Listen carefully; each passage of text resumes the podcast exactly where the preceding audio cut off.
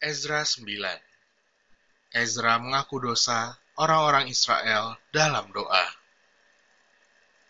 Sesudah semuanya itu terlaksana, datanglah para pemuka mendekati aku dan berkata, Orang-orang Israel awam, para imam dan orang-orang Lewi tidak memisahkan diri dari penduduk negeri dengan segala kekejiannya, yakni dari orang Kanaan, orang Het, orang Feris, orang Yebus, orang Amon, orang Moab, orang Mesir, dan orang Amori.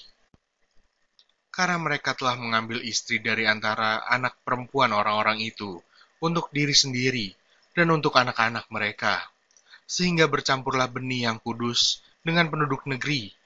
Bahkan para pemuka dan penguasalah yang lebih dahulu melakukan perbuatan tidak setia itu. Ketika aku mendengar perkataan itu, maka aku mengoyakkan pakaianku dan jubahku, dan aku mencabut rambut kepalaku dan janggutku, dan duduklah aku tertegun. Lalu berkumpullah kepadaku semua orang yang gemetar karena firman Allah Israel. Oleh sebab perbuatan tidak setia orang-orang buangan itu, tetapi aku tetap duduk tertegun sampai korban petang.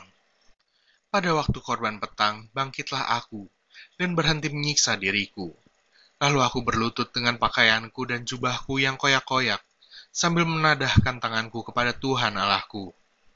Dan kataku, Ya Allahku, aku malu dan mendapat celah, sehingga tidak berani menengadahkan mukaku kepadamu.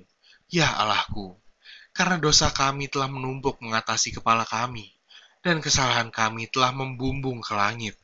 Dari zaman nenek moyang kami sampai hari ini, kesalahan kami besar, dan oleh karena dosa kami, maka kami sekalian dengan raja-raja dan imam-imam kami diserahkan ke dalam tangan raja-raja negeri, ke dalam kuasa pedang, ke dalam penawanan dan penjarahan, dan menghinaan di depan umum, seperti yang terjadi sekarang ini.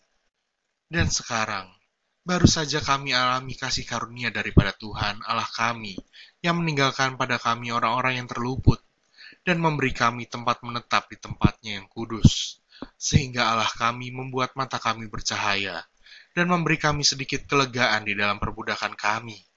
Karena sungguh pun kami menjadi budak, tetapi di dalam perbudakan itu kami tidak ditinggalkan Allah kami. Ia membuat kami disayangi oleh raja-raja negeri Persia, sehingga kami mendapat kelegaan untuk membangun rumah Allah kami dan menegakkan kembali reruntuhannya dan diberi tembok pelindung di Yehuda dan di Yerusalem. Tetapi sekarang, ya Allah kami, apa yang akan kami katakan sesudah semuanya itu? Karena kami telah meninggalkan perintahmu, yang kau perintahkan dengan perantaraan hamba-hambamu, para nabi itu, dengan berfirman, Negeri yang kamu masuki untuk diduduki adalah negeri yang cemar, oleh karena kecemaran penduduk negeri yakni oleh karena kekejian yang mereka lakukan dengan segala kenajisan mereka di segenap negeri itu dari ujung ke ujung. Jadi sekarang, janganlah kamu memberikan anak-anak perempuanmu kepada anak lelaki mereka, ataupun mengambil anak-anak perempuan mereka untuk anak-anak lelakimu. Janganlah kamu mengikhtiarkan kesejahteraan dan kebahagiaan mereka untuk selama-lamanya, supaya kamu menjadi kuat, mengecap hasil tanah yang baik, dan mewariskan tanah itu kepada anak-anakmu untuk selama-lamanya. Sesudah semua yang kami alami oleh sebab perbuatan kami yang jahat, dan oleh sebab kesalahan kami yang besar, sedangkan Engkau, ya Allah kami, tidak menghukum setimpal dengan dosa kami, dan masih mengaruniakan kepada kami orang-orang yang terluput sebanyak ini.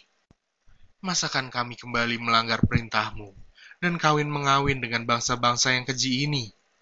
Tidakkah engkau akan murka kepada kami, sampai kami habis binasa, sehingga tidak ada yang tinggal hidup atau terluput?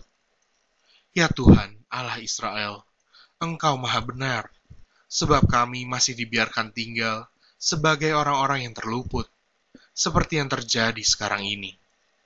Lihatlah, kami menghadap hadiratmu dengan kesalahan kami, bahwasanya dalam keadaan demikian, tidak mungkin orang tahan berdiri di hadapanmu.